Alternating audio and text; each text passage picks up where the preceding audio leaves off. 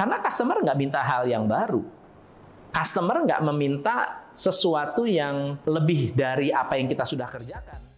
It's Q&A time dari Romadoni YTH Coach Tom bagaimana cara menerapkan inovasi berkelanjutan pada sebuah organisasi. Matur nuwun terima kasih. Inovasi di dalam organisasi perlu beberapa aspek penting. Pertama adalah inovasi ini mau dijadikan budaya atau dijadikan job description. Kalau Anda mau inovasi berkelanjutan, lalu kemudian dilakukannya sekali-sekali, ini tidak akan pernah berkelanjutan kecuali Anda memiliki culture innovation. Innovation culture. Contohnya, semua karyawan harus memberikan ide, feedback tentang inovasi. Berarti semua orang bertanggung jawab atas inovasi. Oke? Cara yang kedua adalah kita punya departemen inovasi. Kita punya divisi yang bekerja sehari-hari, setiap hari untuk melakukan inovasi. Nah, dua hal ini bisa membantu kita memiliki inovasi yang berkelanjutan. Saya ambil satu contoh, satu perusahaan misalnya tekstil atau uh, plastik yang ingin berinovasi, step yang pertama yang mereka lakukan adalah inovasi ini datang dari dua tempat. Datang dari supply dan teknologi, yang kedua datang dari konsumen. Ada customer yang bilang saya mau plastik tapi jangan ada warna. Bisa nggak ada warna tapi transparan? Kita nggak pernah punya, kita nggak pernah tahu, kita nggak pernah bisa. Berarti sumbernya dari customer tuh, betul ya? Sebelum Anda benar-benar memenuhi keinginan konsumen tadi, karena inovasi sifatnya mahal, Anda harus cek teknologinya ada atau tidak, suppliernya ada atau tidak, harganya mahal atau murah kalau harganya mahal, Anda harus tanya kembali berapa banyak customer ini akan membeli. Kalaupun dia membeli cuma sedikit, kita mesti cari ada repeat order atau tidak. Yang kedua dalam inovasi adalah ternyata komplain customer itu sudah banyak di luar sana dan belum ada yang mengerti, belum ada yang memenuhi uh, kemampuannya. Contohnya ada sebuah printing company yang karyawannya kerjanya nyablon. Ya, chatnya ditumpahkan di screen, lalu kemudian pakai karet untuk menempelkan uh, cat tadi ke baju secara manual. Tapi kalau ordernya tambah gede, kapasitas kita nggak akan cukup. Harus nambah apa? Nambah alat, nambah orang, nambah tempat, nambah gudang, nambah orang untuk mengoreksi, ini semuanya harus harus ditambah. Nah, lalu kemudian berpikir dong, kita mau inovasinya ke mana? Karena customer nggak minta hal yang baru. Customer nggak meminta sesuatu yang lebih dari apa yang kita sudah kerjakan. Tapi problem ini dimiliki oleh semua printing company. Kalau nambah order, nambah orang Nah, kita berinovasi untuk membuat gimana caranya nambah order, nggak usah nambah orang. Bahkan ordernya tambah banyak, orangnya tambah sedikit. Itu sebuah inovasi. Nah, inovasi, jawaban inovasi tadi bisa dibantu lewat teknologi.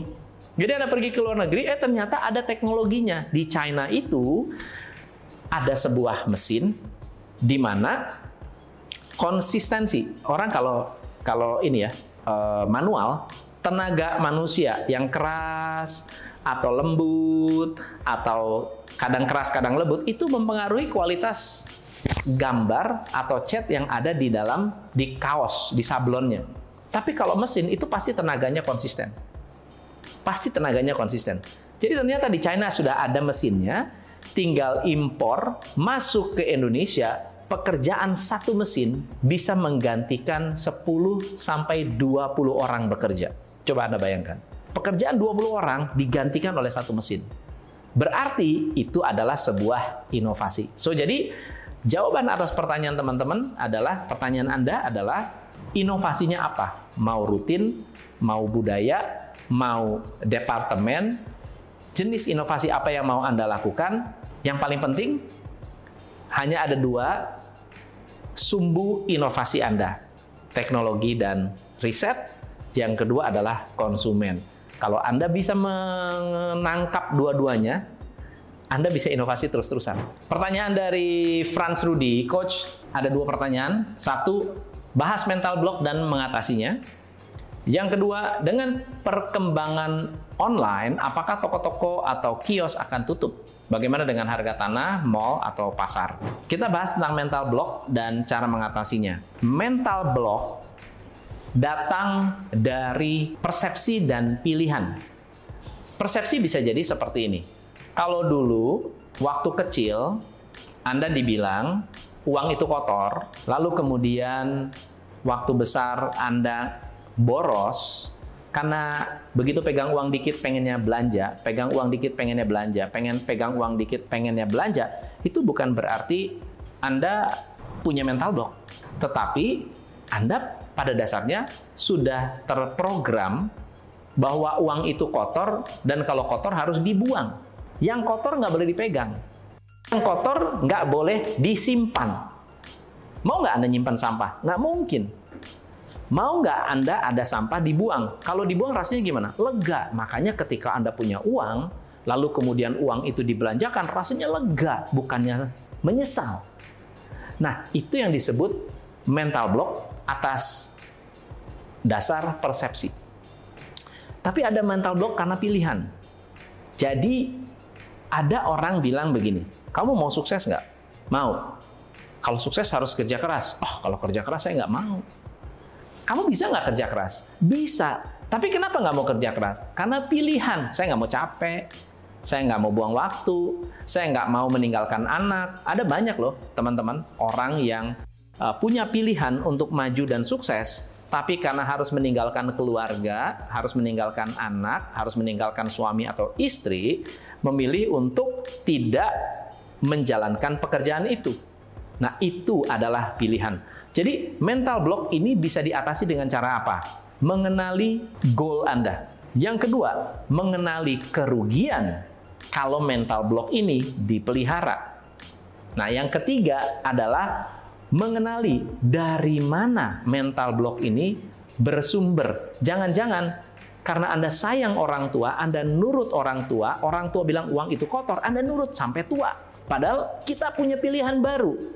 Kita punya pilihan baru untuk memiliki persepsi baru, untuk memiliki keyakinan baru, dan kita tidak perlu merasa bahwa uang itu masih kotor.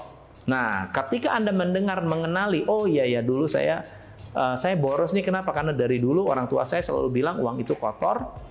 Lalu kemudian saya tanpa sadar mengikuti perintah itu. Jadi Anda punya pilihan. Sumber dari dari mana sumbernya? Nah, finally adalah Anda mau nggak punya keyakinan baru? Anda mau nggak punya persepsi baru? Persepsi baru apa tentang keuangan, kesuksesan, kebahagiaan uh, yang mau Anda bangun? Oke, okay? itu untuk yang pertama. Pertanyaan yang kedua mengenai online shop, tidak akan ada toko yang tutup hanya karena online shop. Bahkan yang punya toko online nanti lama-lama akan buka toko offline juga. Mereka butuh untuk showroom. Ya, Anda bisa lihat nanti. Tidak akan satu menggantikan yang lain. Yang ada malah kalau Anda punya toko online, Anda harus punya toko offline. Kalau Anda punya toko offline, Anda harus punya toko online. Dan yang namanya tanah, harga harga tanah, mall atau pasar pasti akan naik terus.